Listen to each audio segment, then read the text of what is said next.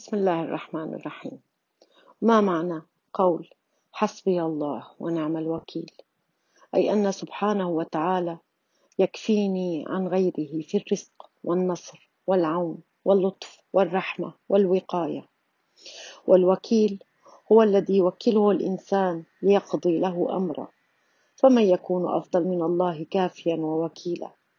إذا هو تفويض لله سبحانه وتعالى. واعتماد عليه وهو بالفعل نعم الكافي والوكيل.